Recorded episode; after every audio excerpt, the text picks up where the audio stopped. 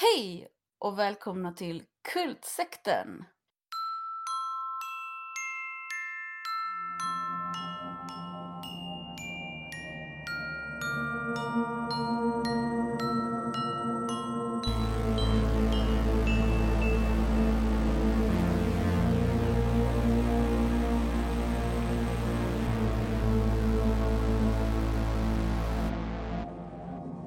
Jag heter Anna-Maria Olsson och du heter Henrik Johansson. Yes. Vi har sett de två första avsnitten av eh, Castle Rock. Det är en serie som går på HBO. Yes, och vi brukar ju kolla på skräckfilmer och skräckserier, men jag vet inte hur renodlad skräck man ska säga att detta är. Det är kanske skräck. Mm, jag, när jag satt och funderade på det så kände jag att eh, den är ganska thrilleraktig i sin eh, uppbyggnad. Alltså det är ju övernaturligheter liksom eh, Mm. eh, och så. Så den är ju skräck, men det är inte det här riktigt jump scare- scare-aktiga. Det är inte heller något liksom blodigt så. Det är ju väldigt um, mild skräck. Eller mild, jag förstår vad jag menar. Därför, den är lugn på något vis, eller det kanske är Ja. en, berätt, det är en berättelse snarare än effekter tror jag man skulle kunna säga. Mm. Faktiskt. Eh, förresten, hur är det med dig? Jag är trött. Eh, annars är det bra. Mm. Jag eh, mm, tycker det är gött att våren börjar komma igång Ja, och sånt. gud. Ja. Ja. Jag översätter mycket nu, gör jag. Mhm. F- Från vilket språk till vilket språk? Från danska till svenska. Vad är det du översätter för någonting från danska nu? Det visste jag inte. Jo, jag vet inte om jag får säga det. Nej, men... eh, Nej, nej, men då tar nej, jag jo, det. jo, det får jag. Jag översätter, men jag, jag kan säga att jag översätter musik, eller, eller text då. Alltså. Men eh, Ja, ja, ja. jag har ännu inte hämtat in tillstånd från eh, eh, textförfattaren, artisten, den danska artisten, för att eh, spela in och sprida.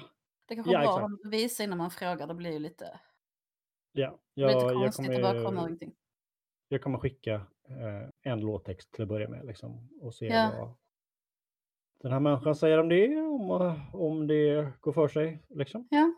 Det kan ju vara så att eh, hen säger att nej, jag vill absolut inte att jag blir översatt och spelar på svenska. Fuck you. Mm. Fuck dig. Ja, precis. Faktiskt. Det kan hända. Det kan Men hända. det kanske inte är jättetroligt ändå, eller? Man tycker att det borde vara lite så här smick, smickrande. Ja, hoppas. Ja, men det är ju typ lite uppmärksamhet och pengar utan att man behöver anstränga sig själv. Och det, ja, men ja, om man säger så. ja, Ja. det låter bra. Men men varför Mm. gör du det? Är det bara för att det känns kul? Bara för att det är inspirerande? Eller har du något större i tankarna? Det är faktiskt, jag vet inte. Det är inget, nej, det är inte ett uppdrag. Det är ingen som har sagt så här, Henke kan du göra det här för de här pengarna? Utan jag har bara börjat liksom. För att jag tycker att eh, det är bra texter som borde spridas. Det kan låta som att det inte är speciellt smart att göra på det viset. Rent jag så, e- ekonomiskt eller så. Nej, men det kanske inte är det man ska göra om man håller på att svälta ihjäl. Nej. Men det kanske är jättebra att följa sina intressen. Sitt hjärta. Om man har lite, ja, men om man har lite utrymme. Kan jag tänka, Mm. för då, då bygger man ju ändå ett liv som, där man gör det man vill. Eller, alltså möjligheterna skapas ju där man letar på något vis. Ja, men som författare nu för tiden också så jag är inte lika intresserad av att skriva egna romaner och hitta på egna berättelser. Utan just nu tycker jag, jag tycker att det är väldigt roligt att översätta. Till exempel. Och jobba med andras Ja, texter. ja. ja. Men eh, fan vad kul. Det Mm. blir ju också att du breddar, du kan ju redan det ena så lär du nytt. Ja. Jag växte upp i Skanör Falsterbo. Mm. Som är ganska gammalt och ganska, liksom ganska våldsam historia och mycket som har hänt. Så där finns jättemycket olika så här spökhistorier. Och av någon anledning har en bok också bevarats mycket där. Mm. Och jag hörde dem när jag var liten och så, så jag började skriva ner dem. Det kanske är så Alltså- att Skanör är Skånes Castle Rock. Eller, alltså det, det är lite Twin Peaks-känsla på Skanör Falsterbo. Om du Ja, förstår vad jag okej. Menar. Det är Ja. sådär extremt idylliskt, den bästa glassen, inte den bästa pajen men den bästa glassen. Ibland säger du Skanör och ibland säger Ja. du Skanör, Skanör Falsterbo. Mm. Vad är... Ja, Så här ligger det. Ja, det är alltså en... en ehm, Förklara dig.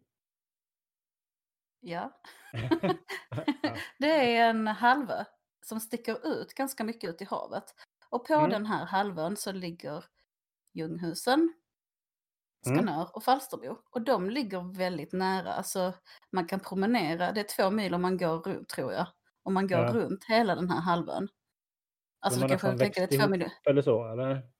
Eh, Skanör och Falsterbo har växt ihop och Ljunghusen har Mm. inte växt ihop för där ligger ett naturreservat emellan. Ehm, Men, men det är väl liksom från en tid när saker kunde vara mycket mindre.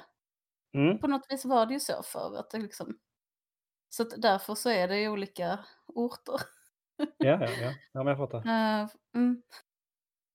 Men det är ju som sagt på ett väldigt litet utrymme. Så Falsterbonäset eller Näset Mm. kan man säga om man vill. Men det är förvirrande. Det är det absolut. Ja, ja, Näset är... är ja. Men det har jag Ja. hört förut. Näset och sånt. Ja, Näsetungar brukar man säga om bortskämda Ja. rikemansbarn. Mm. Ja, men jag hade en eh, köksmästare som Ja. eh, jobbade som någon slags klubbchef eller någonting på Falsterbo strandbad. Och han berättade att eh, Näset-killarna brukade få stryk av de andra killarna där. Ja, så kunde det vara. Väldigt mycket. Och det handlar väl också om att det kanske är lite... Vi kan prata mer om Näsetkillar, för det finns en Näsetkille i Castle Rock. Men eh, det kunde ju, och nu menar jag inte att våld är okej eller så, men det kunde ju vara så att vissa människor kanske har lite större benägenhet att få stryk för att de inte riktigt kan uppföra sig trevligt.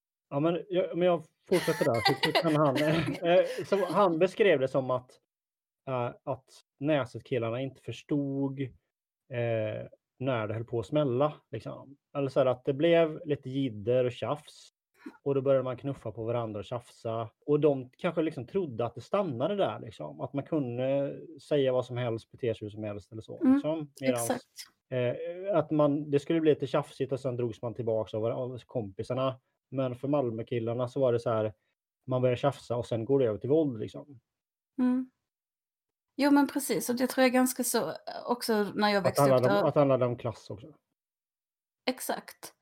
Och någon slags eh, empati eller förståelse för världen. För att på, på Falsterbonäset så är det är så konstigt.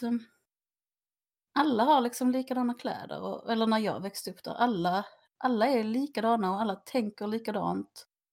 Och det Mm. kommer liksom inte in några andra livserfarenheter i människors medvetande än de här uh, kashmirtröjorna och semester två gånger om året, livserfarenheterna. Så det blir ju en väldigt, alltså det är klart om man tror att alla, som jag läste någon blogg från, från Näset nu när jag, när Ja. jag letade fakta till mina spökhistorier, då var det någon som hade skrivit att Vänsterpartiets politik kommer aldrig att lyckas eftersom eh, 90% av befolkningen kommer att förlora sin förmögenhet.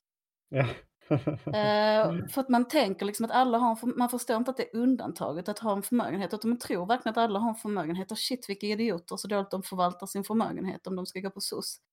Alltså Mm. jag överdriver lite, men det är ändå det som är någon slags grundinställning, att man, man kan inte Ja. förstå. Och det, han beskrev det också som en, han använde inte de orden, men det skulle man använda idag, någon slags Karen-inställning också. Att eh, så fick man liksom trösta någon näsetkille som är bruten näsa i köket och sen så eh, kom det den här killens pappa inkörande med bil och han var full efter att var suttit hemma och supit. Eller så har han tagit eh, kokain.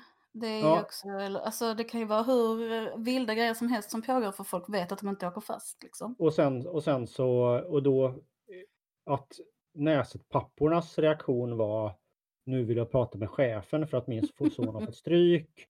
Eh, Ja. vi ska, vi, jag ska stämma Falsterbo strandbad. ja. Ja, Det är väldigt typiskt. Ah, vad har hänt här? Hur kan, det här gå till? ja. Bara din son är jättejobbig. Han bråkar med alla. Har, du varit Men på inte. har du varit på Falsterbo strandbad själv?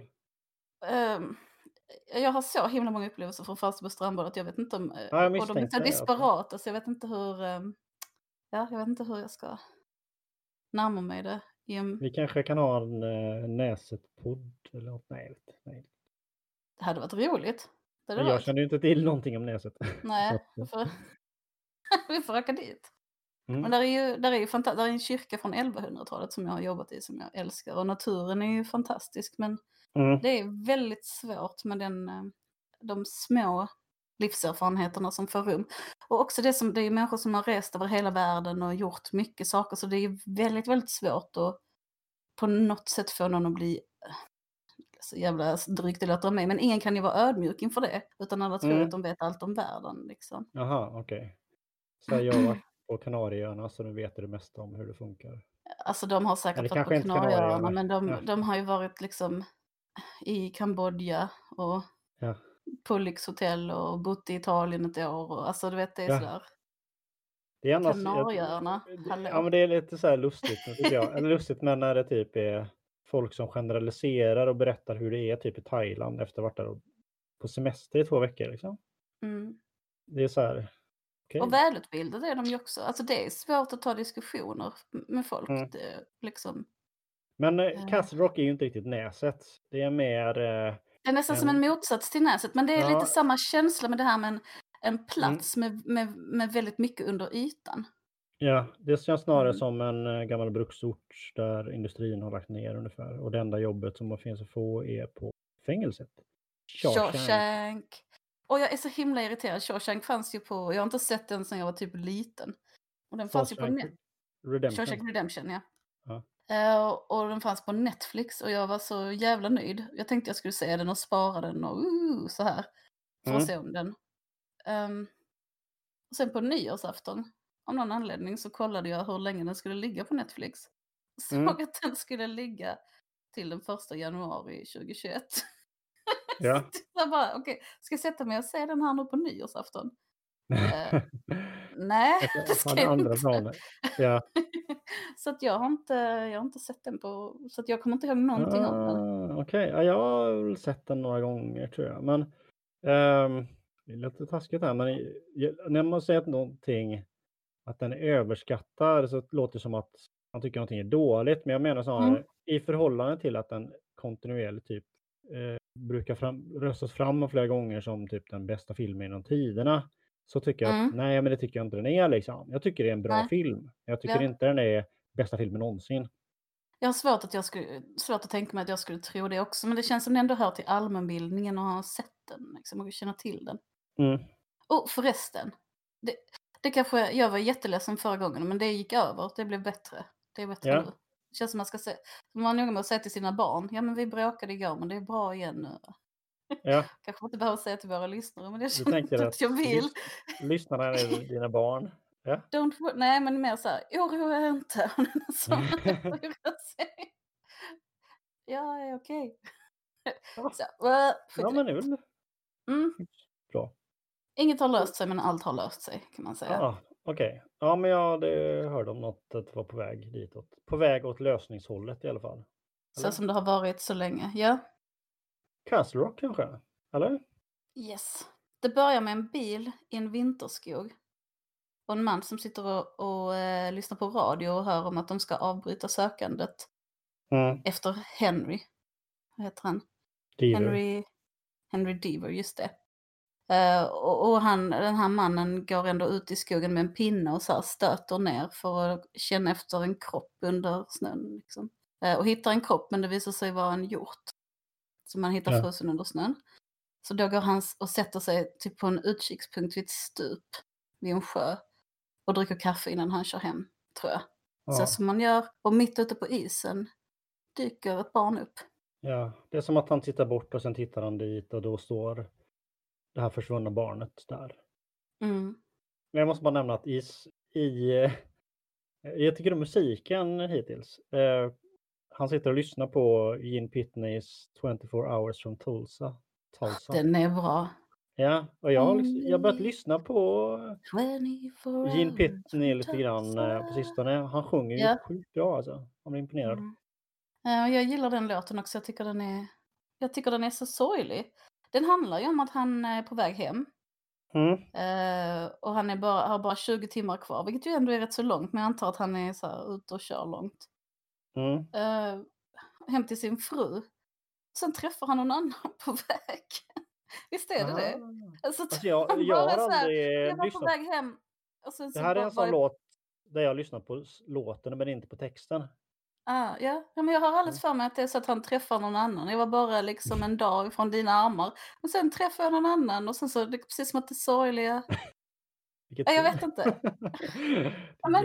Ja. Det är, Mm. det är lite som, som eh, Jolene av Dolly Mm. Parton. Att det är så här konstiga relationsgrejer man skriver utifrån den som inte brukar tala. Liksom. Ja. Och som är, ja, om Den här personen, har jag sagt det, som letar är Alan Pangborn, en polis i Mm, området. Grejen är att det är svinkallt ute, minus 30, minus 40. ja. Men det finns liksom, barnet har inga köldskador och inga minnen av var han har varit överhuvudtaget. Nej, hans första minne i sitt liv är just den I was only 24 hours from Tulsa. Mm. Att han kom in i bilen och hörde den. Så det är som att hans liv börjar där. Och sen så får vi upp en skylt där det står 2018, vilket var nu, nu, nutid när eh, serien släpptes. Mm. Eh, och så är vi hemma hos ett äldre par. Det är John Locke från Lost som är mannen. Mm. Och sen så är det mamman från Six Feet Under som är frun. Och det är mycket små detaljer som gör liksom att han har en mugg där det står att det är Maine och på radiostationen säger de att, det är att de befinner sig i Castle Rock. Så att det är liksom inte... De smyger in information på sådana vis liksom. Men det är mycket detaljer, alltså visuella detaljer. Eh, mycket strösslat med Stephen King-hänvisningar. Ja men det kanske vi ska säga det här, är- det, liksom bygger, det bygger på Stephen King-karaktärer och Stephen King-miljöer, men det är inte Stephen King som har skrivit. Mm. Det tycker jag är så himla roligt, att någon konstruerar ett universum och sen skriver man i det universumet. Mm, jag det tycker jag också. bara är Ja. så mysigt liksom. Skulle jag kunna tänka mig att fuska på det viset. Jag orkar inte starta ett universum. Jag vill bara flytta in någonstans. ja, Hyr, hyra i andra hand. gud ja. En, en, ska man ta sina döda favoritförfattare och fortsätta? Det är väl det som är lite fanfiction i och för sig, men Mm. Jag, jag tycker jättemycket om eh, den premissen. Mm.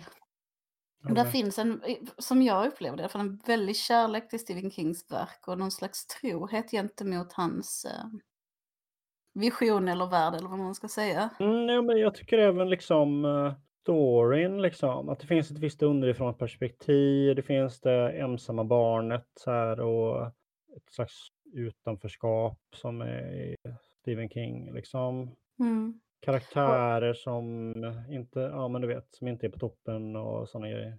Ja, verkligen. Inne i Och, fängelset eh, så är det snarare fängelsevakten som är den aktivet och den sympatiska liksom och inte fängelsedirektören. Och... Eh, och säsong två handlar om Anne Wilkes. Det är hennes historia jag inte in, alls, eh, innan hon... Jag gör bara så att jag ser, jag ser efterhand. Ja, ja, jag vet inte ens om vi kommer kolla på, alla- på två säsonger. Men jag tänkte, men alltså, för att förklara lite hur den funkar. Jag vet inte om det ska komma en säsong tre. Får kolla upp det till nästa gång. Eller kanske jag ska kolla Mm. upp alldeles nu. Men, Jag tror att jag Eh. läst att jag ska göra det, men jag är lite osäker. Mm. men det, är- säsong två är ju fantastisk. Tänk att få veta vad som hände, hur hon blev liksom your biggest fan. Fan är hon säger? I'm your biggest fan. Hur hon blev så fanatisk. Det är ju en Mm. jätteintressant historia. Det är Lida, eller hur? Och sen är det, ja just det, sa du det? Första dagen på jobbet? Jo det sa du, eller sista jobbet. Sista, så är det. Ja. Och hon är ju... Ingen Castle ingen Castle säsong tre står det. Det blir ingen. Nähä, okej. Ehm, Jättekonstigt. Men det, vi har två bra säsonger. Vi, behöver inte ens, vi kommer inte orka se dem och prata om det. Det är jättemånga avsnitt. eh, hon är blind kan man säga också. Eh, mamman från Eh. Six Feet Under, ja. Mm. Och, och jag älskar henne som skådespelare. Jag tycker hon har ett sånt ljus och ett sånt mörker samtidigt alltid. Ja, Att hon, kan- hon kan liksom spela så himla gullig och mjuk och samtidigt stenhård. ja. Eh, Väldigt förtjust. pojken, den försvunna, Henry Deaver, är svart. Han eh, är ju nästan eh, typ hittills den enda karaktären som inte är vit misstänker jag. Eller? Ja, och det är någonting de tar upp kontinuerligt också hur, eh, Ja. hur vit den här delstaten är och hur vit den här miljön är. Och Mm. vi kan ju återkomma till det, men han utsätts liksom för eh, mycket rasism och har ju ingen annan. Alltså han har Mm. inga andra, ingen att känna gemenskap med och prata med och analysera det här. Så det är ett sånt äckligt vakuum runt den här rasismen som jag tycker är skitbra gestaltat. Men Mm. Ja. det kommer kanske senare, för att nu ska John Locke kör iväg på sin sista arbetsdag eller sin första lediga dag, jag vet inte vad det är. Och han kör upp till Castle Rock där, där sheriffen Mhm. satt när han fick syn på Henry på isen. Och så tar han ett rep och binder fast i ett träd. Och sen binder han fast en snara runt sitt huvud och sen kör han bilen ut för stupet. Hans huvud blir avryckt där för det är ett tjockt Ja. rep liksom. Mm. Och det är lite, jag blir förvånad. Eh, han, eh, det är också så här, ja men det finns, det finns så, han, det spelas fin musik och det är ett fint landskap och det är inte som att det visas innan så här, oh det här är en person som jag ska ta livet av sig genom liksom miljö, musik och sånt liksom. Nej, inte heller genom hans beteende för han är inte alls så här ångestfull eller inåtvänd utan han, Han sitter Han inte och gråter i och- bilen eller något sånt där liksom. nej, och han kramar och kysser sin fru och pratar liksom mjukt, lätt och vänligt med henne. På ett Mm. sätt som får en att verkligen inte alls tro att han är på väg att ta livet av sig. Och också Mm. precis innan han kör ut för stöpet, stupet så dyker upp en jättegullig hund Ja, i buskaget. Bara sådär. Och då tänker man så här, oh, nu kommer han ju. ja för då ser han ju stanna oh, för den hunden. Men han bara Ja, så, så kelar han lite med hunden så kommer han på det finns ändå något fint i, världen. Det finns Ja, fina jag- hundar. jag och kan så, och jag, kan, jag, jag kan inte ta livet av mig, jag måste skaffa en hund istället. Men det, vi får veta att eh, John var direktör på Shawshank. Och sen Okej, så, mm. Och nu kommer det en ny direktör för att han har gått i pension och tagit livet av sig. Och typ det första hon säger är om mitt kontor hade sett ut så här hade jag också tagit livet av mig. Mm. Ehm, hon är så jävla vidrig på ett roligt sätt. Alltså hon är Ja, en sån hemsk, hemsk, ond person som samtidigt är en proper dam och eh, mänsklig och har humor och är självisk. Alltså jättebra skriven. Ja, ja. Hon är lite så här... Eh, också Och hon vill också nog- li- lite så här som en högre chef kan vara, lite så politikeraktig. Så här, liksom. Ja. Ja precis, och hon vill vara vass och hon vill tjäna pengar och det är hennes självbild att hon gör det. Så de måste ju öppna ett helt Mm. fängelseblock är stängt efter en brand. Det måste de ju öppna. Ja. 30 år sedan öppet. En sak, det ska, du kanske har sett utan svenska undertexter. Mm. Ja, det har inte jag såklart. Eh, men där är en sån översättning som är... De säger att det här fängelset är double booked. Med andra ord Mm. är, är dubbelbelagt alltså. Medan det Mm. översätts till svenska som fullbelagt, vilket är inte alls samma sak. Nej. Det är synd. Mm. Ja. Men hon skickar in två plitar i det här övergivna fängelseblocket. Empatipliten och en ond. För, förresten, Ja, ordet plit. han är lite, lite slack, slackeraktig kan man kalla det. Ja, men är han inte ond? Eller, han- är, är han lite rå? Han är rå också, ja. men han vill inte direkt... Ja, han, jag tror att han har eh, faktiskt liksom riktigt dåliga sidor. Det tycker jag att jag skrev upp någon gång. Men han är ju också skön Ja. att han går och lägger sig och vilar och sånt. Det Ja. är mitt där i en, jag- möglig brits liksom. Ja, Asgött, men... Men jag tror att han är en liksom... Ja, jag får intrycket av att han kanske är ond, men han är liksom inte en... Det är inte som att han har torterat några fångar eller någonting, utan han är hittills Nej, han har bara- ingen makt. Han är liksom heller. slö och otrevlig. Lite grann. Ja. Och lite dryg. Sådär. Det är inte, Ja. ja. Mm. Jag menar, fängelsedirektören är ju aktivt ond. Ja. Med. Ja, men han är, han, är han är kanske en sån som låter sin rädsla för fångarna styra och det leder till liksom avhumanisering på ett obehagligt sätt. Men empatipliten... hit- Pli, Ja. plit, ordet plit. Ja, det måste vi prata om. Jag har pratat med någon, eh, eller rätt sagt bråkat med någon fångvårdare, kriminalvårdare, som um, blev jättearg på mig för att jag använde det ordet. Mm. Så det är det, det är det ordet som jag är... Ja, men det är ungefär Mm. som snut, tänker jag. Ja, men så har jag också upplevt det. Och också att jag, jag vet inte vad det finns för något annat ord, om jag ska vara helt ärlig, för en fångvaktare. Ja, fångvaktare. Vad ska man säga? eller fångvaktare. heter- eller, det heter eller, kriminalvårdare. Eller, kri- kriminalvårdare. Det är också Ja, ett precis. skämt. Kriminalvårdare. Ja, men, det är, det, kriminalvård är som ett skämt. Men, men det kan man inte kalla. Nej, Nej. precis. Kriminalvårdare Nej. går ju inte att säga. Då går man med på någonting som inte jag går med på. Alltså, mm. Ja, då är att det- fångvaktare mer eh, eh, korrekt, liksom, kan jag tycka. Mot vad, Ja. det, vad själva jobbet är. men då kände jag, kan man ju lika gärna säga plit. Som fångvaktare, för de är ju båda, fångvaktare låter ju också som så himla medeltida och skitsamma i alla fall. I, Ja. i, jag använder ordet plit om det, om det är fel. Så vill, jag vill jättegärna ha ett bättre ord. Men detta är det ordet som alla jag känner har använt. Mm. Alltid. Du använder också bara det, eller vad säger du? Du säger Ja. inte kriminalvårdare någonsin, eller om du skriver en text. Nej, nej, gud. Eh, nej, kriminalvården använder jag aldrig om jag inte skämtar på något vis. Eller ironisk eller så. Men, ehm, det, det jag är Ja. kritisk mot där är ju att jag tycker inte att folk vårdas inom kriminalvården så att säga. Så att då tycker jag det är orimligt att säga kriminalvårdare. Det Eh, var det jag- den här äh, människan var så himla upprörd på mig. Och hon, hon satte någon slags likhetstecken mellan plit och plithora. Vilket jag tycker Mm. känns som väldigt olika ord.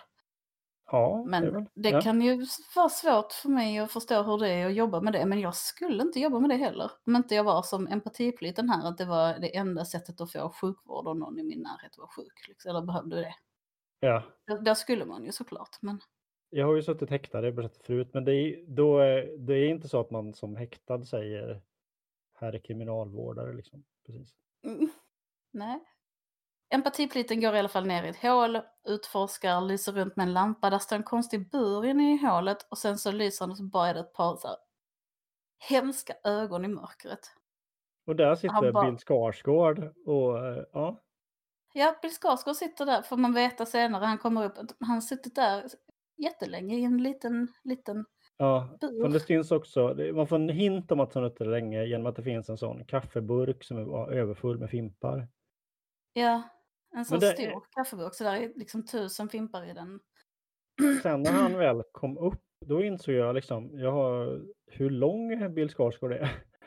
För att Mm. när han sitter i där nere så är han lite ihopsjunken, han sitter ner, så här, ser ganska eländig ut. Han är ung liksom, men han är så här sliten och smutsig. Blek och smutsig. Ja, så då, då tänkte jag liksom, på något vis, han ser liksom mindre ut, men sen när han reser sig upp ser man ju att han är jättelång liksom. ja.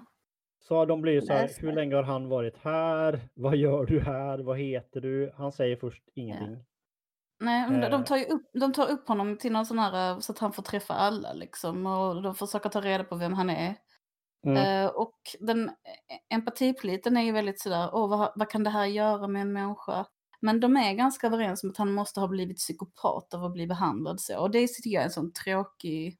Och det är också ett genomgående tema, både medveten och, medvetet och omedvetet, hur den som blir utsatt för någonting blir anklagad för det på något vis. Eller att Mm.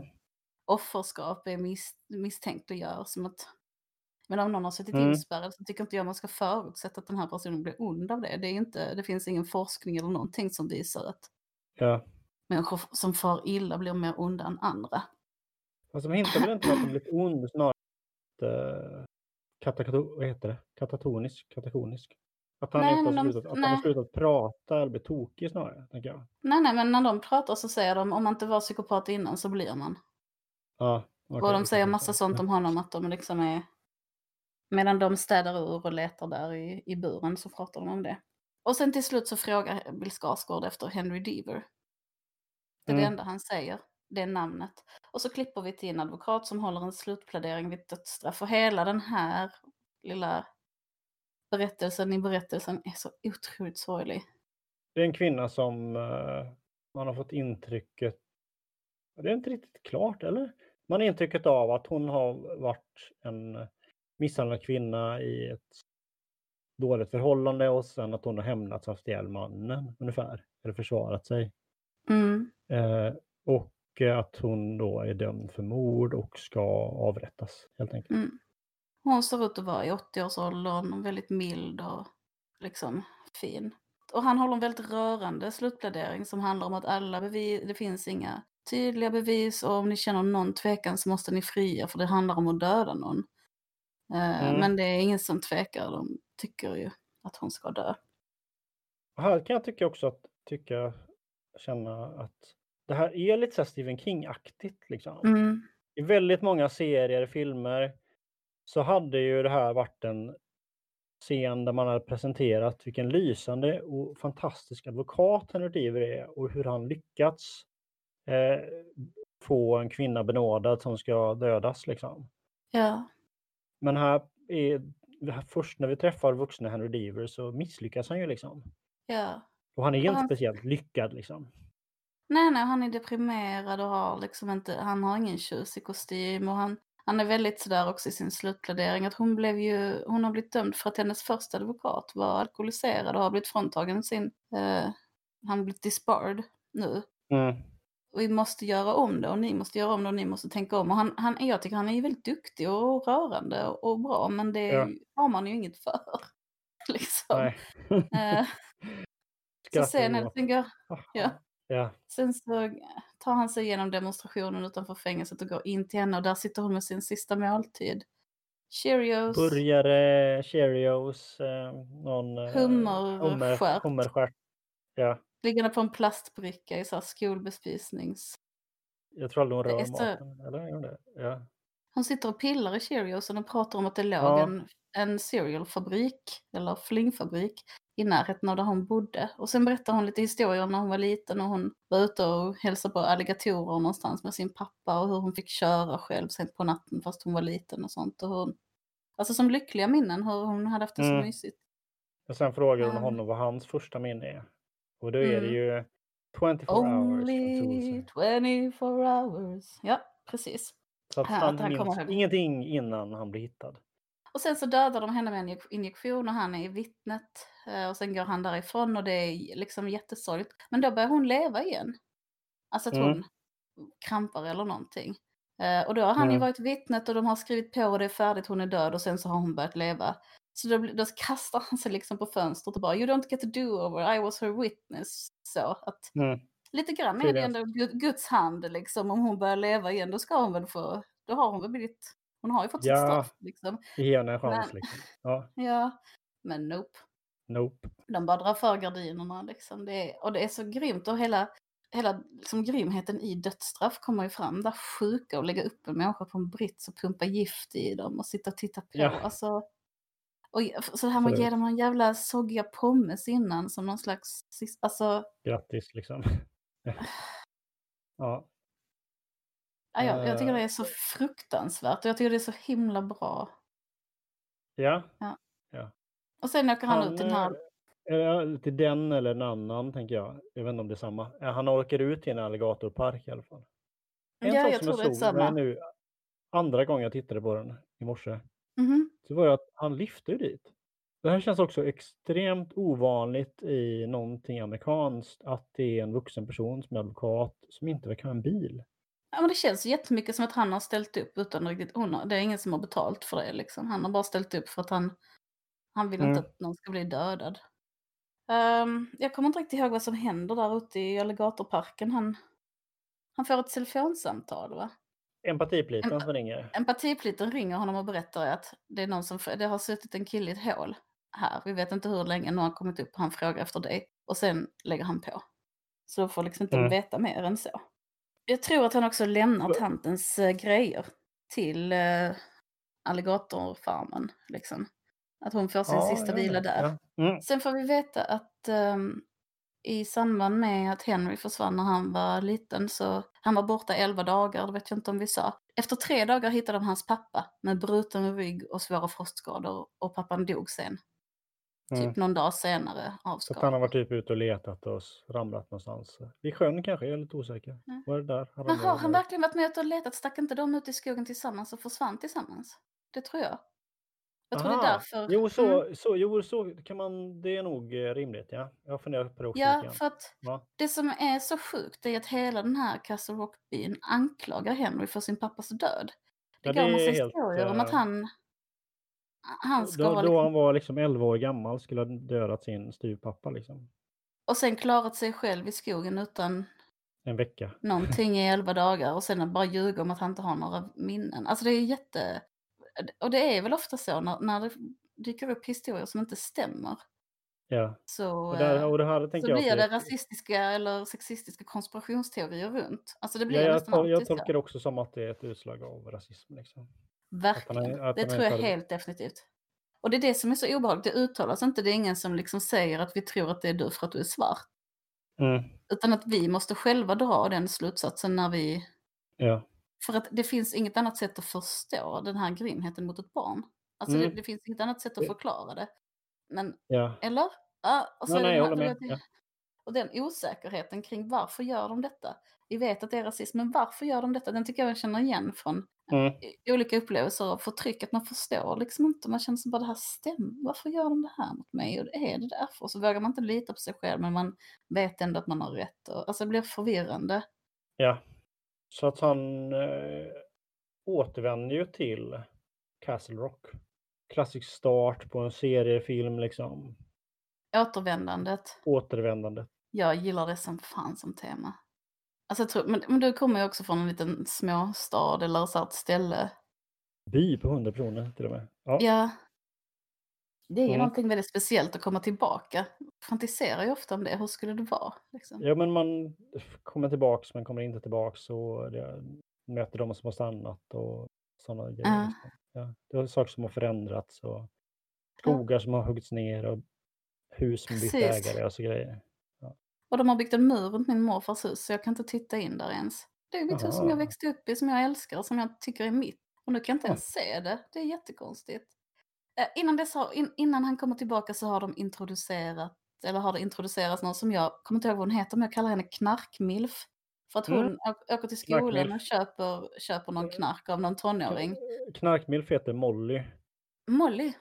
Ja, Okej, och det var ja. också, jag tror aldrig att, jag tror att hennes namn kanske inte sägs i första avsnittet.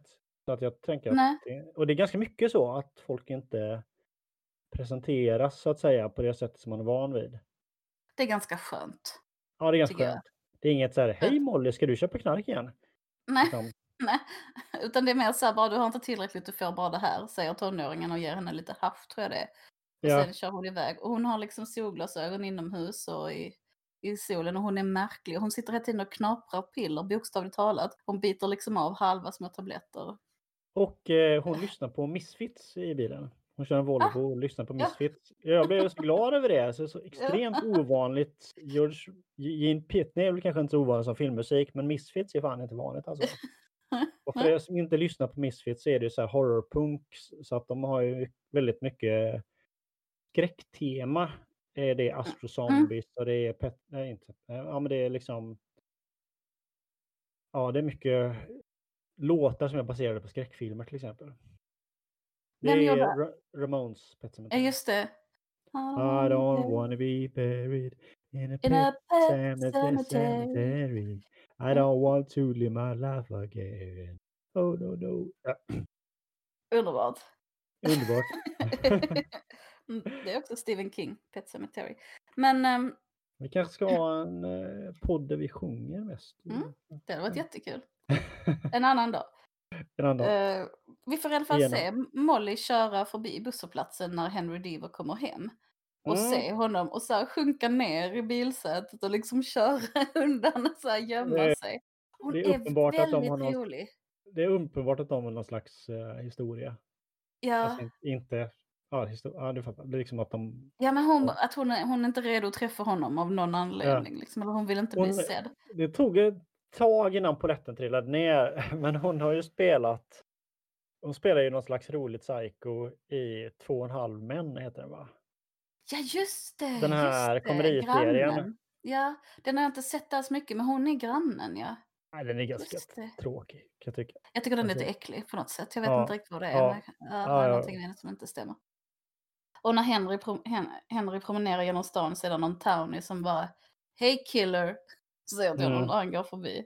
Så jävla rått. Och då inser han Ah. också att eh, kyrkogården har bulldozerats över, typ. Ja. Byggd. De var tvungna att sälja den för de hade inte råd att ha kvar den. Det är sånt som händer. Det händer ju, det är ju ofta i skräckfilm eller i amerikansk film så är det sån stor big deal runt det. Men jag menar, Mm. halva Europa är en kyrkogård helt ärligt. Så fort de gräver en ny gata i Malmö så hittar de ju begravda lik. Just det, jag, Mm. på tal om, han har lite så här flashbacks till när han var lite barn och sånt liksom. Eh, Och när Ja. han blev hittad. Eller, Ja, och, eller senare från när han hade lite flashbacks. Och då så hade han en liten figurin i handen, någon liten vit eh, figur. Ja, den kommer säkert tillbaka så småningom. Men Mm. ja, men den kommer han ihåg liksom. Han tänker på eller så att han hade den i handen. Så åker, han hem till sin mamma så kommer han kommer liksom in i huset och det tutar, brandlarmet går. Så springer han ut i köket och där står en platta på full fräs. Eller en panna på full fräs med ingenting i. Medan mamman står ute i trädgården och virrar och hon känner inte igen honom och hon är helt... Uh... Senildement. Alltså helt, just då, superförvirrad. Men, men hon, är ju, hon kommer ju in och ut och ibland är hon ju jätte... Alltså ibland kommer hon ihåg allt och har helt koll. Ja. Och det här är ju en skådis som vi har träffat förut eh, och i Stephen King-världen. Är det Carrie? Ja, det är Carrie, Cissi Spacek. Spacek, ah! jag vet inte hur man Jajamensan. Wow, för jag tänkte så Men sen kollade jag inte upp det. Men gud vad coolt. Hon är ju väldigt, alltså hon är ju fortfarande en väldigt bra skådespelare. Och mm, fortfarande mm. väldigt vacker. Alltså hon ja. jag tycker väldigt mycket om hennes utseende. Om vi hoppar vidare i skådespeleriet så är det, mm. hon bor nu ihop med den snuten, polisen som hittade... Sheriffen Allan ja. Ja, Allan Pangborn. Och han ja. spelat av Scott Glenn som är också en gammal klassisk skådis. Liksom. Och Henry är ju väldigt anti-Allen. Han mm. tycker, han, mm. Och jag kan förstå det, mamman är, är senildement och så. Han hade ju han hade ju anställt en vårdare för att ta hand om henne men istället bor hon nu med sin liksom boyfriend sådär. Som kan, han, han inte riktigt vet hur han Mm, så bara plötsligt en främmande man och mm. samtidigt som det blir en viss kluvenhet inom honom själv för att han är ju tydligen förmyndare, alltså ja. sonen Henry Deaver. Men samtidigt ja. så att han verkar inte ha varit där på typ tre år eller så. Men exakt, och det, jag tycker det är någonting, det, det är en liksom intressant konflikt mellan dem. Han som mm. är där varje dag och på allvar bryr sig och liksom offrar mycket i sitt liv för den här mamman. Och sen mm. Henry som då är den officiella och han kan ju lagen och så. Han vet att det är han som är gode man eller vad man ska säga för mamman och allt mm. vad det innebär. Och han vill ju mamman väl, men han, alltså... Han är inte där. Han är inte nej, där. Det, nummer ett är ju att vara där om du ska ta hand om någon. Alltså det är ja. ju så. Det finns inga genvägar. Han försöker nej. köpa in sina jävla tjänster liksom, men det funkar inte. Nej. Ja. Och sen sticker Henrik till fängelset. Uh, och där får han träffa direktören. För att han har ju fått det här telefonsamtalet. Och så får han mm. titta igenom um, en pärm med foton på alla fångar och hon är jättetrevlig och pratar om honom och, och så bara, nej men ja, vi hade aldrig hört talas om dig och vi vet inte vem den här eh, människan i hålet skulle vara som du letar efter. Liksom, fast mm. hon vet. Men hon vill hålla det hemligt för hon tycker att det är en publicistisk katastrof. Ja, man säger det. Alltså, det kan inte, det är så typiskt, man kan inte ta hänsyn till det. Men det är, alltså det är helt sjukt att man ska ta hänsyn till det när man hanterar att en människa har suttit instängd på obestämd tid i ett hål. Liksom. Det är inte... Mm. Ja. Och, han är ju inte... nu är det kanske så att det visar sig att han inte är en människa riktigt ändå, men han, ja, det är som att han men inte det, är... det. Måste, det måste ju ändå agera som att han är det här, liksom. Ja. Men nope. Um, mm. Och sen när han ska gå så säger hon uh, någonting om att... Uh, någonting som syftar till att han jobbar med dödsdömda. Och han säger, hur vet du det? Jag har inte berättat att jag liksom är eh, dödsstraffsmålsadvokat. Och hon, så här, man ser hon, för hon är ju väldigt smart, så hon bara, nej men vi har nyheter här i Maine också. Jag såg det på tv mm. typ eller så. Och sen när han går ut genom dörren och hon bara så att hon blev påkommen och var tvungen att lura sig ur det. Men det är väldigt snyggt att hon gör det. Alltså, och hon är smart och hon är skicklig. Sheriffen berättar sen för Henry att heter John Locke, den förra eh, direktören, tog livet av sig på samma ställe där han hittade Henry. Uh, uh, Lazy. Lazy heter han ja. Det, det är mycket återblickar och så där han är med i, i de två första avsnitten. Och jag tycker väldigt mycket om, han spelar en vänlighet här som han inte alls spelade i Lost, som jag tycker, alltså ja. mjukhet. Det är ganska så. korta scener, ganska mycket så, klipp fram och klipp tillbaks. Eh, utan att, det är inte så att de är i högt tempo scenerna, men det är ganska mycket klipp liksom. Man får till exempel här redan se empatipliten i cellen, nej inte cellen, i, i fängelset. Sitter mm. typ nattvakt och kollar på alla olika skärmar. Och så kommer det ett klipp till Molly, knarkmilfen. Mm. När hon är nere i sin källare och så tar hon fram ett sånt där som timglas som man hade typ 80-talet i spel för att ta tid mm. hur länge man fick göra saker. Ställer hon upp det timglaset och sen tar hon fram såna gamla, gamla minnen från Henry. Mm. miss, missing-postern och någon gammal t-shirt som hon luktar på och så. Och så håller hon på och liksom står med det tills sanden har runnit ut och tills timglaset är färdigt så har hon hun- hunnit packa ner allting igen. Som en Mm. liten ritual som hon har gjort. Lite ritual, ja. ja. Och det känns ju väldigt mycket som att hon hon har gjort detta mycket och det har tagit för lång tid. Alltså att hon så här, Ja, har kunnat stå där och sniffa på den t-shirten ja, en hel dag. Och då Mm. så hon till slut var tvungen att styra upp Ja, de här minnesstunderna så att de, är- de är avgränsade i tid. Det är liksom två minuter och sen är det inte mer. Så. Ja, det får räcka liksom. Väldigt häftigt. Otroligt smart sätt att berätta både om hennes liksom gränslösa fixering och om hennes psykiska problem och om hur hon också har liksom hanterat det. Och Ja, men Ja. det, jag tycker det är väldigt mycket små detaljer som om man lägger märke till dem så blir det ett, liksom en del av ett pussel. Liksom. Det är väldigt genomtänkta scener, väldigt eh, saker som jag inte la märke till när jag såg den första gången så märkte jag när jag såg den andra. Eh, till exempel är det så att eh, Saveleskis, Savels, nej, Savelskis, han, hans fru eller flickvän väntar barn. Och det sägs liksom aldrig, det första sättet det sägs på är att han läser en bok eh, som är väldigt suddigt, men om man zoomar in så ser man att det står eh, baby names liksom. Mm. Empatisnut, eller empatipliten pratar vi om nu. Heter han Ja. Savelski? Ja. Ja, jag, Ja. jag, Z har jag skrivit upp honom så ting Jo, men, jo men ingenting är, man skrivs aldrig på näsan. Utan det är som i verkligheten, att man får liksom dra sina egna slutsatser. Mm. Och den att, typen eh, av berättande tycker jag jättemycket om när man får nycklar bara liksom. Och så får Ja, istället, istället för att en av hans kollegor säger jaha, så ni ska ha barn, vilket när det är dags, liksom, så hintas det liksom. Det är smart att uppmärksamma när man tittar på den här serien. Sen klipps det till Henrik när han, ehm, eller Henry, när han, Henrik är du, eller hur? Mm, Ja, exakt. Bra, då har vi ordning på det. Mm. När han är vid eh, John Locks dödsplats, alltså dire- förra direktörens självmordsplats där det är blommor och lite gosedjur och så. Ja, ett sån Eh, eh, informell minnesplats. Eh, Ja, precis. liksom. Sådana Mm. som det jämt är här omkring när folk blir skjutna. Mm. Nej, jag vet inte, du bor väl också här i, i ett Ja. område där det är mycket, händer ofta. Det är. Eh, och det är, där är det som att då tycker jag genom scenerna att de klipps för också mellan nattscenerna i fängelset och då visas bilder på Bill Skarsgård då liksom, så får man liksom, det känns som att för min del så blir det en sammankoppling mellan sjön och fängelset och den fängslade liksom. Ja, och Eh, sen när... och, och det börjar också snöa. Typ, gör det inte det? Ja. Och det och, vilket är, verkar vara helt inte. ologiskt i samband med, eh, med vilket årstid det är. Samtidigt så kopplar man ihop då det med att det var så otroligt kallt den här vintern då han fanns vid sjön. Och sen så ser man Henry som barn bakifrån siluetten av stå och iaktta sig själv som vuxen. Mm. En ganska lång stund åker kameran och han är, det är som att han verkligen är där och studerar sig själv. Alltså Mm. barnet studerar den vuxna.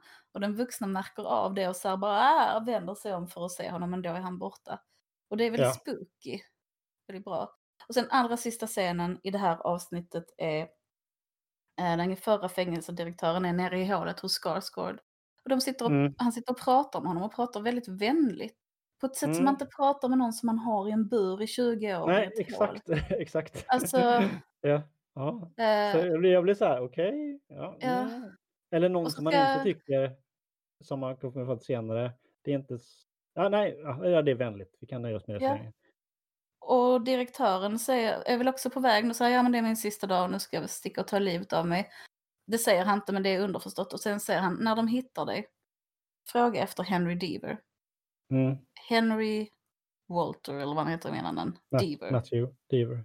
Henry så, eh, Matthew Deaver. Och så upprepar Skarsgård det som sagt, jag ska lägga på minnet liksom. Eller det märks Ja. att det är tydligt. Så det är någonting också där. Om man fängelset från fängelse så länge, dels för att han är vänlig, men det är väl så också varför instruerar han vad han ska göra sen? Alltså det är någonting med det som är lite, som jag inte kopplar än i alla fall. Som är svårförståeligt. Men, Alltså, ja precis. För det här att när de hittar dig, säg detta, det är ju till för personen i burens skull. Alltså, Mm. det är mm. någonting man säger, det är precis som att, Det är inte för att skydda personerna som inte är buren från den Nej. i buren.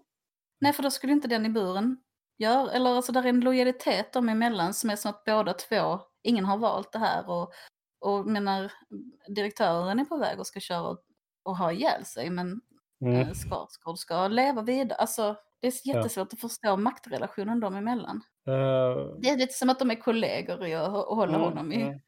Men det är väl också så att, är inte det också de sista scenerna här är att de, eh, det visar klipps på hur att Savelski tittar på Skarsgård och liksom att han har försvunnit från cellen, han står och tittar in i kameran och sådana grejer. Och han Mm. trycker på larmet alltså för att Jaha, han trycker på larmet, det kanske han gör eh, som det sista han gör. För att det verkar som att Skarsgård har lämnat sin cell. De har ändå Mm. ingen rätt att hålla Skarsgård fången, de vet inte ens vem det är. De, liksom, Ja, för de det är har, så räk- sjukt att de har... de har ju Mm. tagit fingeravtryck och sånt och märker att han, det här är inte en av våra fångar. Liksom. Så Ja, att det, är, det är rätt sjukt att de håller honom fången. Ja, och extremt olagligt. Avsnitt två. Eh, Jag vet inte om jag vågar uttala det. Det är latinskt namn. Eh, habeus corpus. Jag har missat, Ja. vad hette första avsnittet? Eh, jag har bara sett engelska namn på det. Severance. Sever är ju att hugga av eller att... Det är också avgångsvederlag, eller hur? Aha, det kanske det är. Mm. Ja, det är Säkert lite lite dubbel. Mm. Ja, dubbelt. Ja. Um, avsnitt- med eh, voice-overn eller? Det första jag har skrivit är att empatipliten ute och går. Han ser liksom... Han ser hur folk ligger mördade. Han tittar Massa på, på lik filmerna. överallt. Ja. Ja, Ja. alltså alla plitar ligger i blodpölar och det ser grymt ut. Alltså det är snyggt, det ser grymt ut på de här små skärmarna. Mm. Ehm, och han bara trycker på alarmet. Det kommer jag inte ihåg att det var med i förra avsnittet, men det var det kanske. Så han trycker på alarmet och tar sin pistol och går runt där i mörkret och liksom, Känns helt livsfarligt. Ja. ja, för att, att skjuta Skarsgård då för att försvara sig eftersom han tror att Skarsgård har mördat alla andra. Skiträdd. Samtidigt är det slutar modigt att att han han- inte bara låser in sig utan att han tänker nu ska jag stoppa den här mördaren. Liksom. Ja, ja, ja, ja. Mm. Um, ja, men alltså, jag menar inte att han är feg, men han har panik liksom. Mm. Ehm, och det slutar med att han nästan skjuter en kollega. eh, Ja, det är den som, störiga snuten. ja, precis. Som För, skitsvårt eh, på honom såklart. Ja, för att han eh, har ju inte rymt och det finns ingen som är död liksom. Nej, det, bara, det var falsklarm, gå tillbaka och sådär. Medan ja, han är orolig och blir med sitt jobb, han har gjort ett stort misstag liksom. Men de förlåter väl det. Alltså, Mm. det verkar inte som det blir några... Det händer ingenting. Men jag tänker att... Jag tycker ju liksom arbetstrygghet och så, men om man har någon som avfyrar ett vapen mot en... Skjuter han eller inte? Jag fattar Ja, inte riktigt. Han skjuter. Han skjuter, men det träffar ingen liksom. Ja. Eh, då tänker jag att det måste man ta tag i. Men jag vet inte, de kanske inte berättar för någon att det händer. Jag, jag vet inte riktigt vad som händer. Men det Nej. känns ju som att den De här fängelsedirektören... Ja, De kanske håller det inom plitkollektivet så att säga. Och inte, Ja, det, kanske, det kanske inte går upp även om varenda larm borde väl på något vis undersökas kan man tycka. Ja. Av, avrustat vapen. Och sen, Okej. sen kom, kommer en voiceover och det kommer så bilder från 60-talet, en fotbollsmatch. Någon som Det blir tog lite, tog, lite, tog lite tid för mig men det är väl alltså Lacys som pratar. Den förra Ja. direktören tror jag, ja. John Locke. Ja. Ja, med sin Ja. vänliga röst. Och Så trevligt att lyssna på på något sätt. Mm. Och så, vad heter, alltså han övertalar en att tro på honom verkligen. För han Mm. pratar om ondskan i Castle Rock och hur den har, Vad den här staden gör med folk. Ja, och det var den här, och att människor gör hemska saker eller mer hemska saker och så säger de it was this place. Att de Mm. skyller på platsen. Det gillar jag så himla mycket. Och, och att han säger också att det stämmer. Liksom. Att, det är, Mm. att det är platsen som är ond, staden. Och han tänker liksom på alla synder som har begåtts. Han är ett, ett kristet bildspråk. Liksom. Allt blod som har flutit under hans tak och sådana saker. Ja, man ser blodet forsa längs, en trapp, längs trappan i hans hem och sådär. Alltså så ett metaforiskt blod antar jag. Jag vet inte om du, vi pratade om äldre platser du och jag, tror i något Mm. sammanhang och du berättade att det finns någon japansk tro om att gamla saker blir onda för att de sparar på ondskan. Alltså så de laddas Mm, med mer och mer så, ondska ja. över tid. Det är ju jättemycket Ja. det som är grejen som, som han beskriver i Castle Rock här. Och sen så är där en, där är en självmords... rätt så, Ja, finns det inte riktigt det här värdet av äldre saker på samma sätt. Utan det finns till exempel ett tempel som har funnits i hur många hundra år som helst. Men det är Ja. alltså inte samma tempel, tempel utan man river det var 20 år och bygger upp ett exakt likadant. Ha. För att det ska vara rent på något vis, eller? Ja, typ. Aha. Man har inte, man har inte den här liksom, det finns inget värde i sig av att det är samma trä och samma sten som tidigare, utan man river det och bygger nytt. Liksom. Men det finns, det finns säkert massor olika sätt man kan förhålla sig till det förflutna.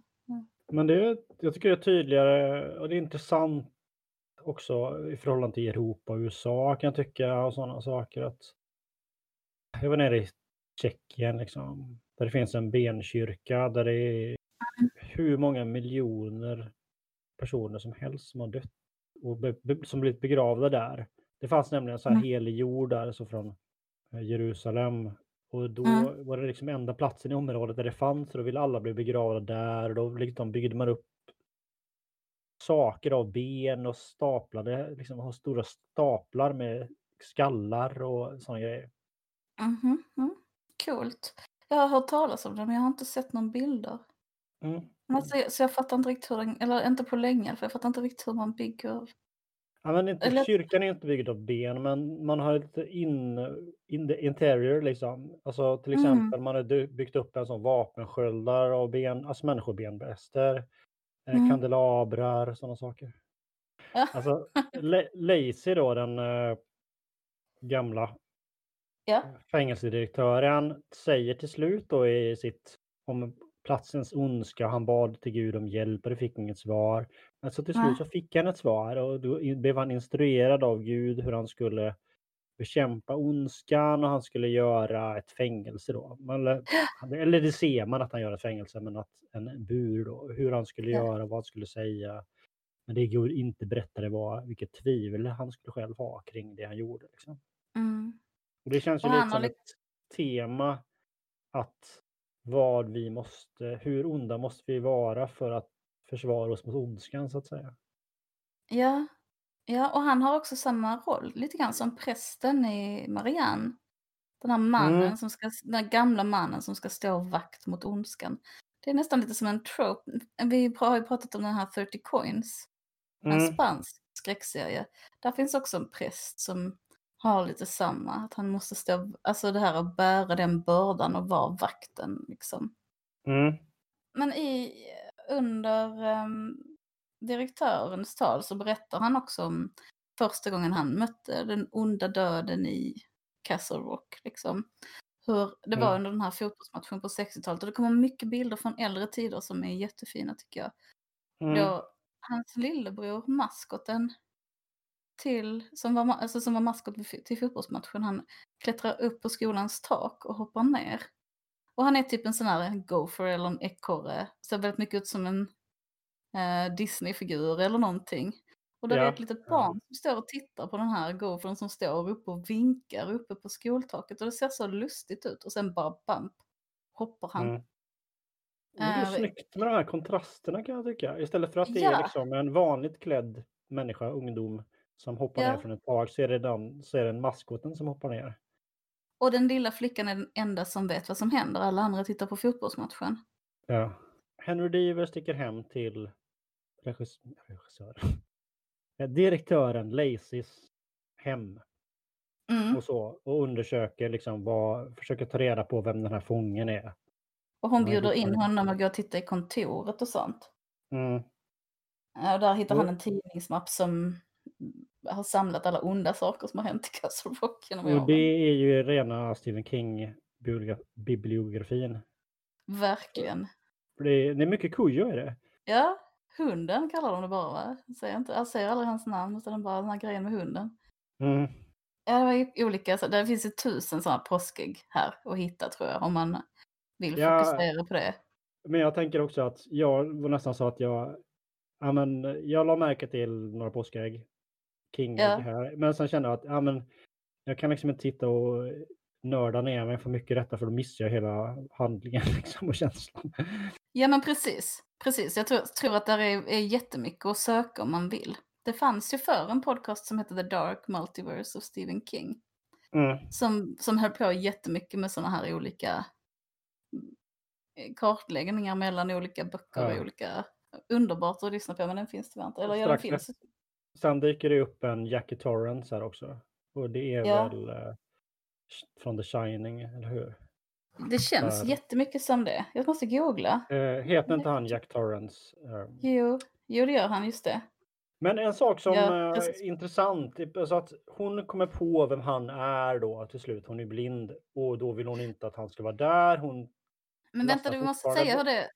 Stopp, stopp, för att det är en granne som ringer och pratar med henne. Ja, just Hon det. ser ju inte. Och så, så, börjar hon, så skriker hon till honom, eller så säger hon till honom, är du svart? Hallå, är du svart? Och han bara, ja det är jag, för hon är, hon är blind. Och så bara, är du Henry Deaver? Och så säger han, ja det är jag. Och då börjar hon köra ut honom, då får hon liksom spel. Och tycker att, ja men din pappa, vi var, han var vår präst och jävla mördare liksom. Mm. Ja, här finns ingen nåd, min själ. På ett sätt Henry som är Deaver. helt, mm, nej på ett Ja. sätt som är helt vansinnigt. Där Och finns i- också en liten plantering innan den blev utkörd. Då hade att han ser ett enormt stort lås, hänglås på källardörren. Och han undrar Ja. vad är det i källaren? Ja, jag tror Men inte det är så han- stort egentligen, jag tror kameran är där. Ja, det, ja. Men ja, ja jo visst han, blir väldigt, han vill ner i källaren, han förstår att någonting är där. Och han har också på kontoret hittat liksom 30 kalendrar med bibelcitat som alla är stannade och avrivna vid den här, vid ett bibelcitat. Jag ska se om jag skrev upp det någonstans. Ja, men det är någonting om att the jailer, liksom, med att fångvaktaren ska visa det nåd eller han eh, tvättade fötterna, såren på, fång, eh, på fångarna eller någonting. Så liksom fångvaktaren som eh, Jesusfigur så att säga. Kanske. Jag fattade inte alls. Men det var väldigt snyggt med alla de här kalendrarna med olika stil och samma citat som stod på ett sånt. Och Mm. bibelcitatskalendrar känns ju också som en Sjuk grej. konst. Ja, men rolig. Lite som en lägga tarotkort eller eh, jag vet inte. Mm. Här, lite witchcraft. Henrik går sen till, eh, Henry går sen till kyrkan. Eller hur? Du måste sluta säga Henrik. Att det Jag är vet. Jag- Henry är typ Henry- jäv... Henrik. Henry är typ djävulen här nämligen. Nej. Ja men de säger det, djävulen är en pojke. Ja men är det inte, menar de inte Bill Skarsgård? Exakt. Nej, jag, jag Ja. blir med. Men det, jag tänker mig på något vis honom också som Henry eftersom han inte har något namn och det Ja, första han ja, säger är. Henry Deaver. Så för min del blir det som att han också är Henry Deaver. Förstår du vad jag menar? Ja, ja men kanske. Kanske, kanske. Du kan vara något på spåren där. Kanske. Ja. Mm. Mm. Men i alla fall så går eh, den goda Henry Deaver till, eh, till kyrkan eh, för någonting. Jag vet inte, hans pappa var ju präst där som sagt. Och, och pratade lite med prästen som börjar snacka med honom efter gudstjänsten om hans arbete med människor på death row. Och Henry blir gärna så defensiv. Att Mm. bara, ja, men jag kommer inte hit för att liksom bli misstänkliggjord för mitt arbete. Bara på prästen så här, bara, nej, jag tycker du gör ett fantastiskt arbete och vi har här prayer program när vi åker och ber med fångarna och vi tycker om udda karaktärer varpå han syftar på mördare. Alltså så här, det var Mm. så här, Åh, så roligt liksom. ja, exakt. Och att, Ja. att då det visar att prästen ser att han nu jobbar med mördare som en slags, att han försöker få synderna förlåtelse så att han själv Ja, mördare. Ja, Bara, precis. Säger, mm, Okej, ja. Mm. det, det är ett fantastiskt exempel på redemption. Och då ser man också Henry, Henry så här backa bara, va? Vilket jag tycker Mm. också är, att den här stan bara har bestämt sig för att han har mördat sin pappa ute i skogen. Det är sån, När han var 11 år gammal. Ja, det är en sån Mm. sjuk slutsats att dra. Ja, det, Och det, där inne i kyrkan sitter ju också eh, Jackie Torrance då. Som är den här eh, lite mer så här, vad ska man säga, ung snygg kvinna person. Ja, blond och lite sådär, eh, vi pratade om de här Näset-killarna innan. Hon Ja. känns lite så. Hon verkar här. ju intresserad av eh, Henry Deaver. Hon är intresserad Ja, och hon är intresserad av fångar och liksom lite grann som att hon nästan vill ha lite äventyr och är väldigt provokativ och bara, Mm. de sitter på något hak senare, då vill hon se hans fot för att han ska ha frusit av sig någon tå och på ett sätt som Men är det- helt hänsynslöst, arrogant liksom. Ja, Men det hon är lite med det. gullig och ingen gör... Ja, alltså jag är lite tveksam till den här rollen måste jag säga. Antingen är det skådisen eller så är det rollen som är lite så här. Det är någonting som är över linjen på ett sätt som inte funkar. Alltså det finns ju många här som är over the line liksom. Molly till Mm. exempel, men som ändå funkar på något vis. Antingen är det skådisen eller regin här, men, ja, men som att hon sitter inne i en kyrka med fötterna uppe på, att hon har slängt upp fötterna till exempel. Alltså det är någonting, ja, Jag tänker inte. mig att hon ska vara den här, eh, som, så på ett sätt kan jag lite grann känna mig igen den här, den här lilla småstadsbruden som liksom har gett upp. Jag kommer inte härifrån men jag passar inte in här och jag gör som Mm. jag vill. Men sen är hon också på ett sätt bortskämd så att hon, mm, hon tar sig väldigt mycket friheter. Ja, Jag, jag, vet, jag tycker också hon är svår. Sen får vi en ny voiceover när gamla fängelsedirektören pratar om att djävulen inte är en metafor. Det är här han säger det, the devil is a boy. mm. och att Ja. han inte ska släppas ut vad som än händer. Och Och, då och finns att, det han också, har, att han har fångat honom och därför är allt bra i Castle Rock nu. Mm. men där finns väl också kopplingen, är det inte så att voiceovern så att säga att ju att direktören har skrivit ett brev till Allan? Sheriffen, den, den liksom ja. sheriffen gammal träffar den nutida direktören på en Mm, pub. man kan säga att hon, han letar rätt på henne i mitt intryck. Mm. Ja, precis. För att säga till henne att hon inte får släppa ut Skarsgård. Just det, så är det. För att John Locke var den som kom på vad som var fel på Castle Rock och sen kommer voiceovern som säger The devil is a boy. Liksom. Mm. Och, han var en Ooh, de- jag får- och han var a decent man och tjo liksom. Ja, som skulle stå vakt mot ondskan och bla bla bla. Mm. Mm. Och det var lite så här att vilka hemska saker vi gör för den här staden. Liksom. Ja, och sen så har vi plitarna de är nere och städar i det här hålet och de hittar en skokartong helt full. Eller det är inte plitarna kanske, skitsamma. De hittar en, eh, en skokartong helt full med Ja, det är direktören och hennes... Eh, Hejduk, just Hejduk. det. Ja, ja. Ja, Hejduk Och är den- ett gammaldags ord tycker jag. jag tycker han är en typisk hejduk. Sidekick. Eh, Ja, ja, ja, hejduk. Mm. gör, gör grovgörat. Men alltså en Och då skokartong helt full med naglar. sig, då Va? bestämmer de sig för att eh, göra sig av med Skarsgård genom att sätta in honom i en cell med eh, en farlig fånge. Liksom. Ja, en mördarnazist. Ständigt dessa dödsmördare nazister. Alltså. Ja, de är farliga. Eh, Mm. men, men det ser otroligt äckligt ut med alla de här gula avklippta naglarna som fyller en hel skokartong och så saxen som ligger där. Och, och man Mm. får ju också då en känsla för hur länge Ja, Skarsgård har exakt. Han suttit. har, ja, men han har ju också, det har vi inte kommenterat, men Skarsgård har ju något passivt över sig, eller märkligt. Han, det är man får ju aldrig intrycket av att han på något vis har velat ta sig ur den här buren som han har suttit Nej. i tusen år. Han är, nej, det är, där finns nästan någonting som att det är lite, lite tacksam att någon har stoppat honom på något vis. Har jag Mm. ibland känslan av. Men han är också, det det jag hade tänkt på, han ser också ut precis som, och det gör den andra Skarsgårdsbrorsan i True Blood också, precis som Näset-killarna, alltså killarna på Näset. Ja, det förstår jag. Ja, ja, men det förstår Alltså jag. Jag exakt menar. samma så här trumpna, sitta, sitta och bara mm. Mm. Och jag blir, någonting i mig, någon kvar, någon gammal tonårsrest blir så här provocerad. Jag, när jag ser honom får jag hela tiden lite grann lust att säga vad jag skiter i vad du tycker. Eller så här, liksom. Ja, ja. Tillbaka till ja. gamla bråk, man bara äh. Ja, ja, ja. Nej, härligt. En härlig sån provocerad del som bara, Ja, vad Skarsgård är väl inte, eller bägge heter Skarsgård. Jag tycker fan, Alexander Skarsgård, han har ju verkligen en sån här svärmorsdrömutseende. fast inte Lite, bara. här, lite ja, men så här vältränad yuppie-kille på något vis. Liksom. Ja, ja visst, Eh, men, där, men, det- men det har inte Bill Skarsgård riktigt på samma sätt kan jag tycka. Nej, han är lite magrare och lite blekare och har lite spetsigare näsa. så Men han är ändå Han hela lite, den här... han, ser lite, han ser lite gott ut mer. Ja, ja Lite på ett mer sätt. Men, men han har ändå den där utstrålningen. Den här liksom, jag vet inte om han hänger fram med huvudet lite och väntar på att andra ska fixa saker. Ja, ja.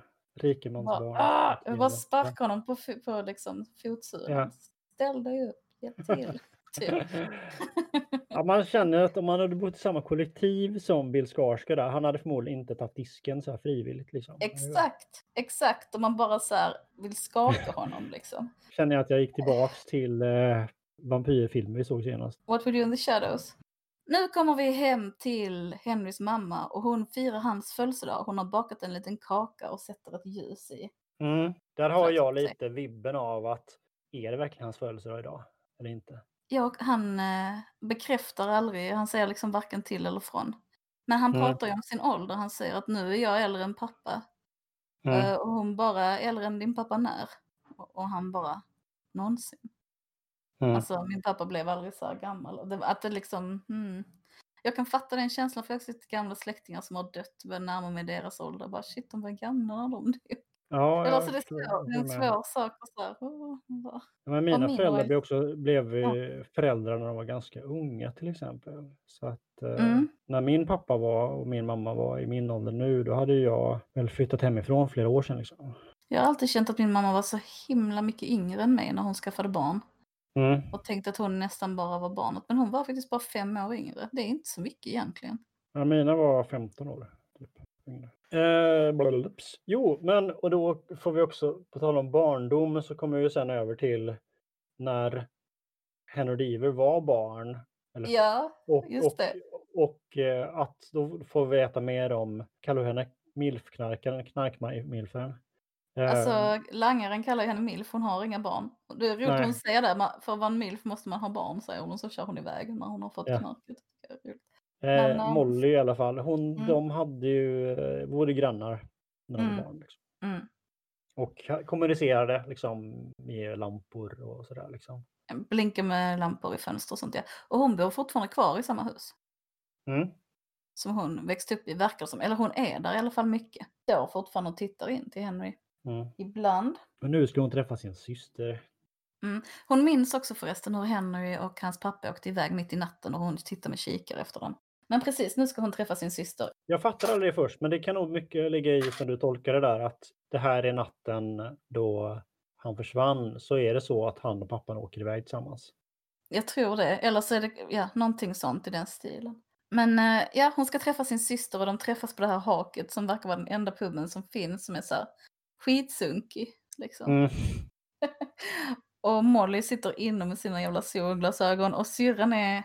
Syrran Och- spelar någon polis i Fargo. På, i, I Ah. tv-serien Fargo. Hon är en fantastisk skådespelare. Också väldigt rolig.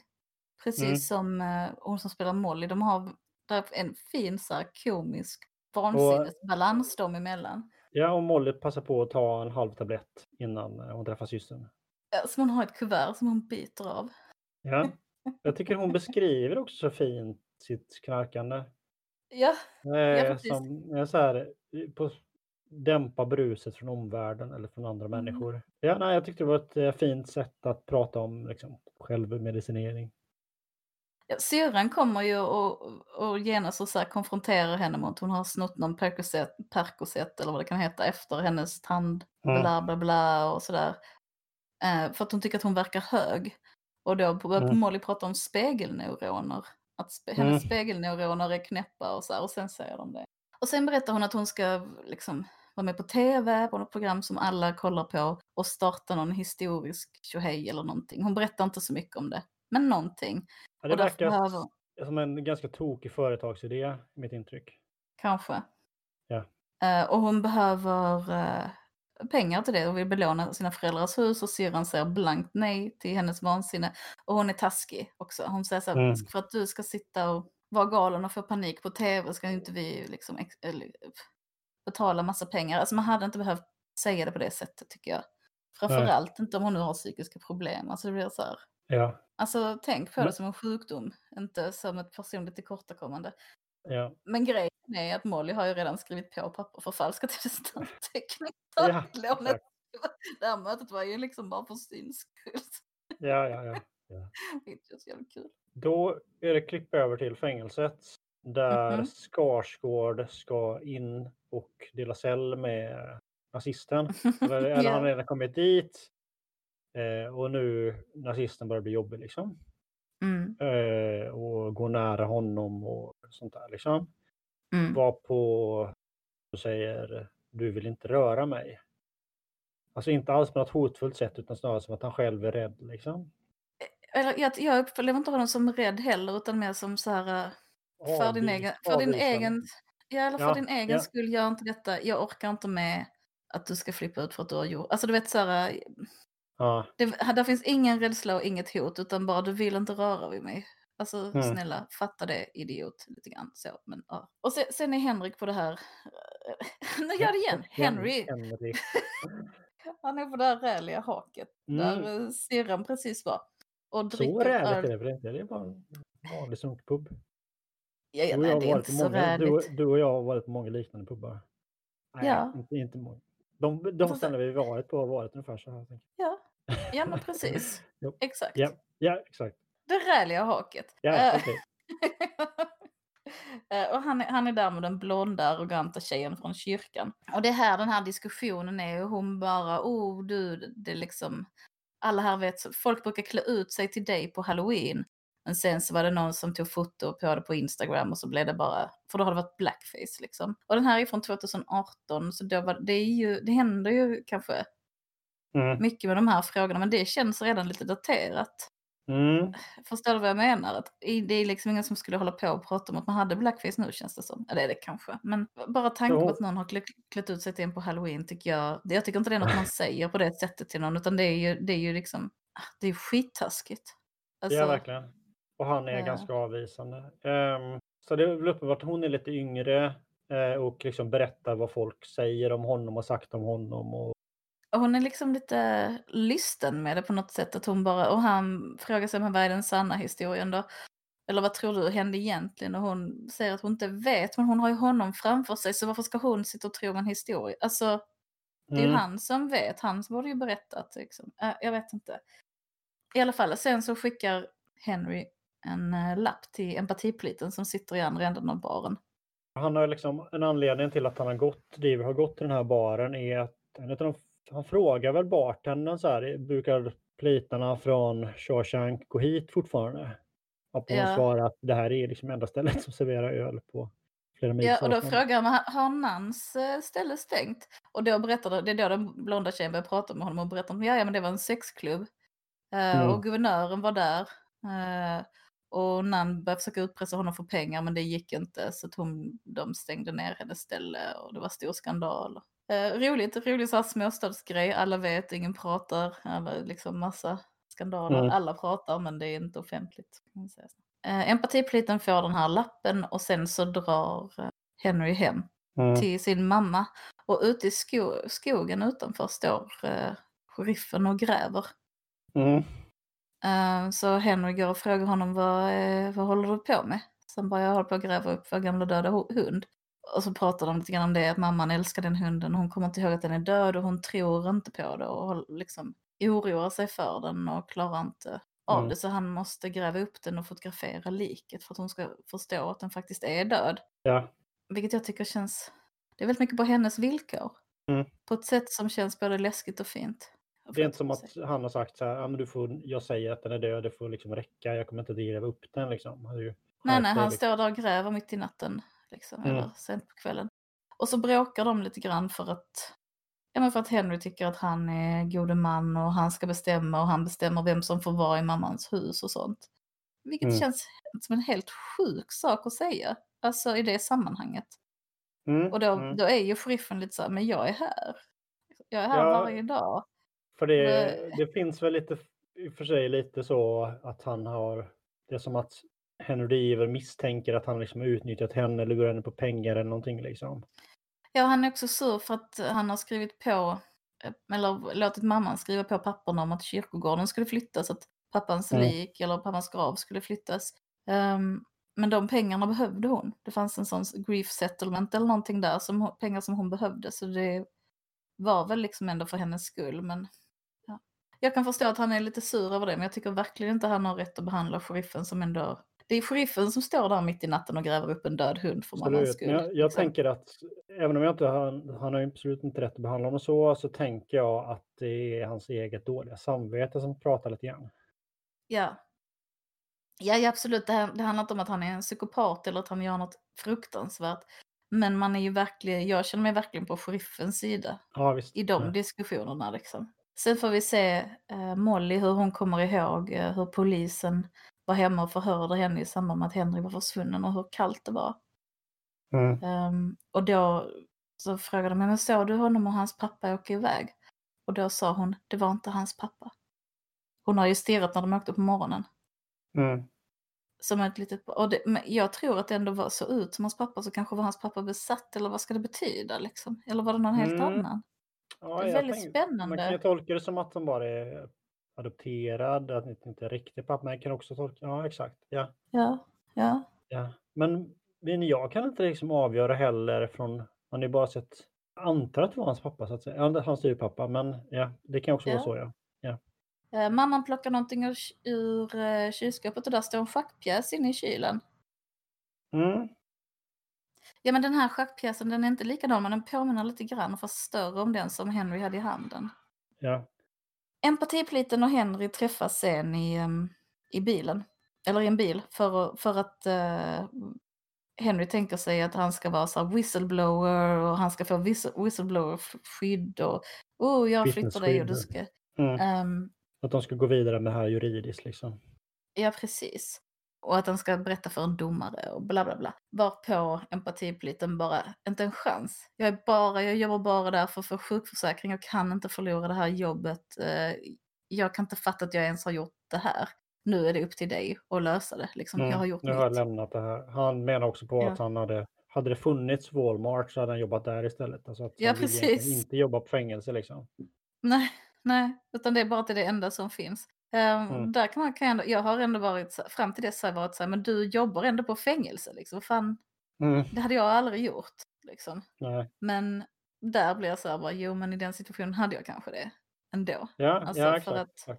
Uh, och han med Z, eh, empatipliten, ja. förklarar också att han kommer, liksom, han kommer inte komma in på kåken. Att de har liksom satt upp honom på alla listor och sånt, liksom direktören har sett till det. Och då eh, säger han väl typ att det enda sättet du kommer in är med Guds hjälp ungefär. Ja.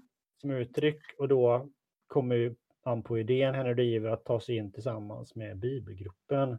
De ska läsa, yes. liksom, läsa, med, läsa bibel med fångar liksom. Ja, någon slags program som de har. Någon slags jävla välgörenhetsprogram.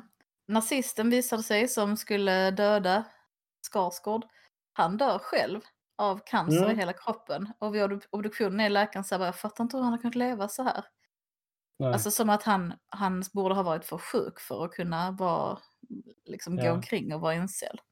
Det är jag lite roligt jag, tycker jag. Det uppskattar jag det lite eh, icke-visuella så att säga. Nej, men förstår du, så här, i väldigt många andra sammanhang så hade de hittat liksom nazisterna hade blivit köttfärs liksom. Han hade blivit yeah. styckad, mördad och sönderslagen och hans lik hade varit fullständigt deformerat och han hade slitit av en armar och ben och kropp och huvud liksom.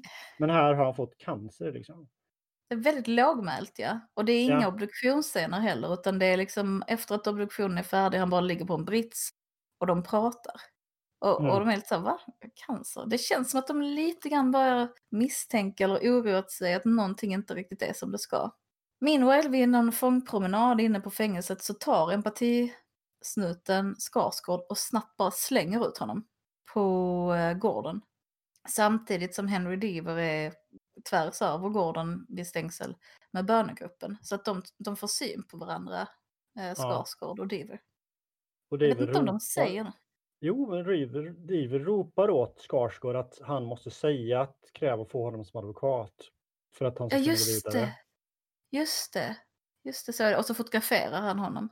För att han måste ha bevis på att han finns där överhuvudtaget. Liksom. Det sägs någonstans också att um, han skulle aldrig få se solljuset igen. Liksom. Ja, precis. Lite såhär voice-over ja, ja. ja, exakt.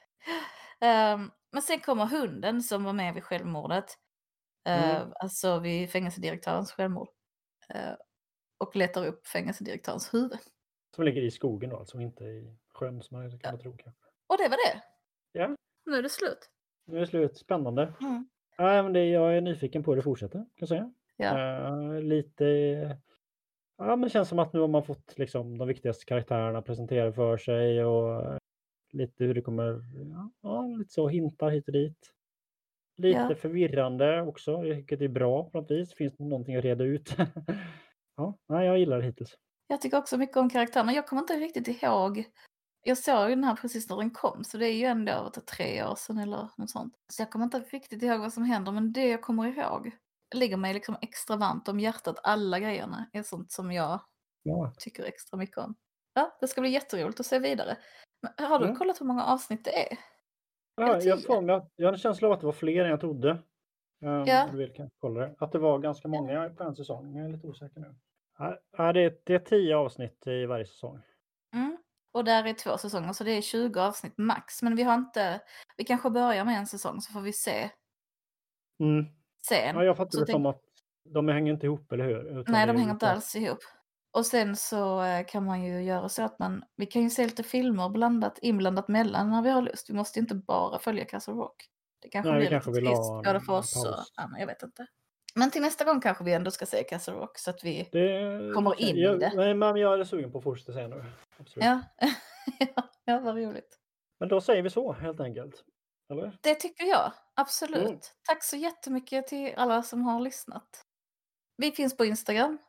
Följ oss där och jag heter Anna-Maria Olsson. Följ mig på Facebook men skriv gärna någonting för jag, annars så kanske jag inte godkänner den.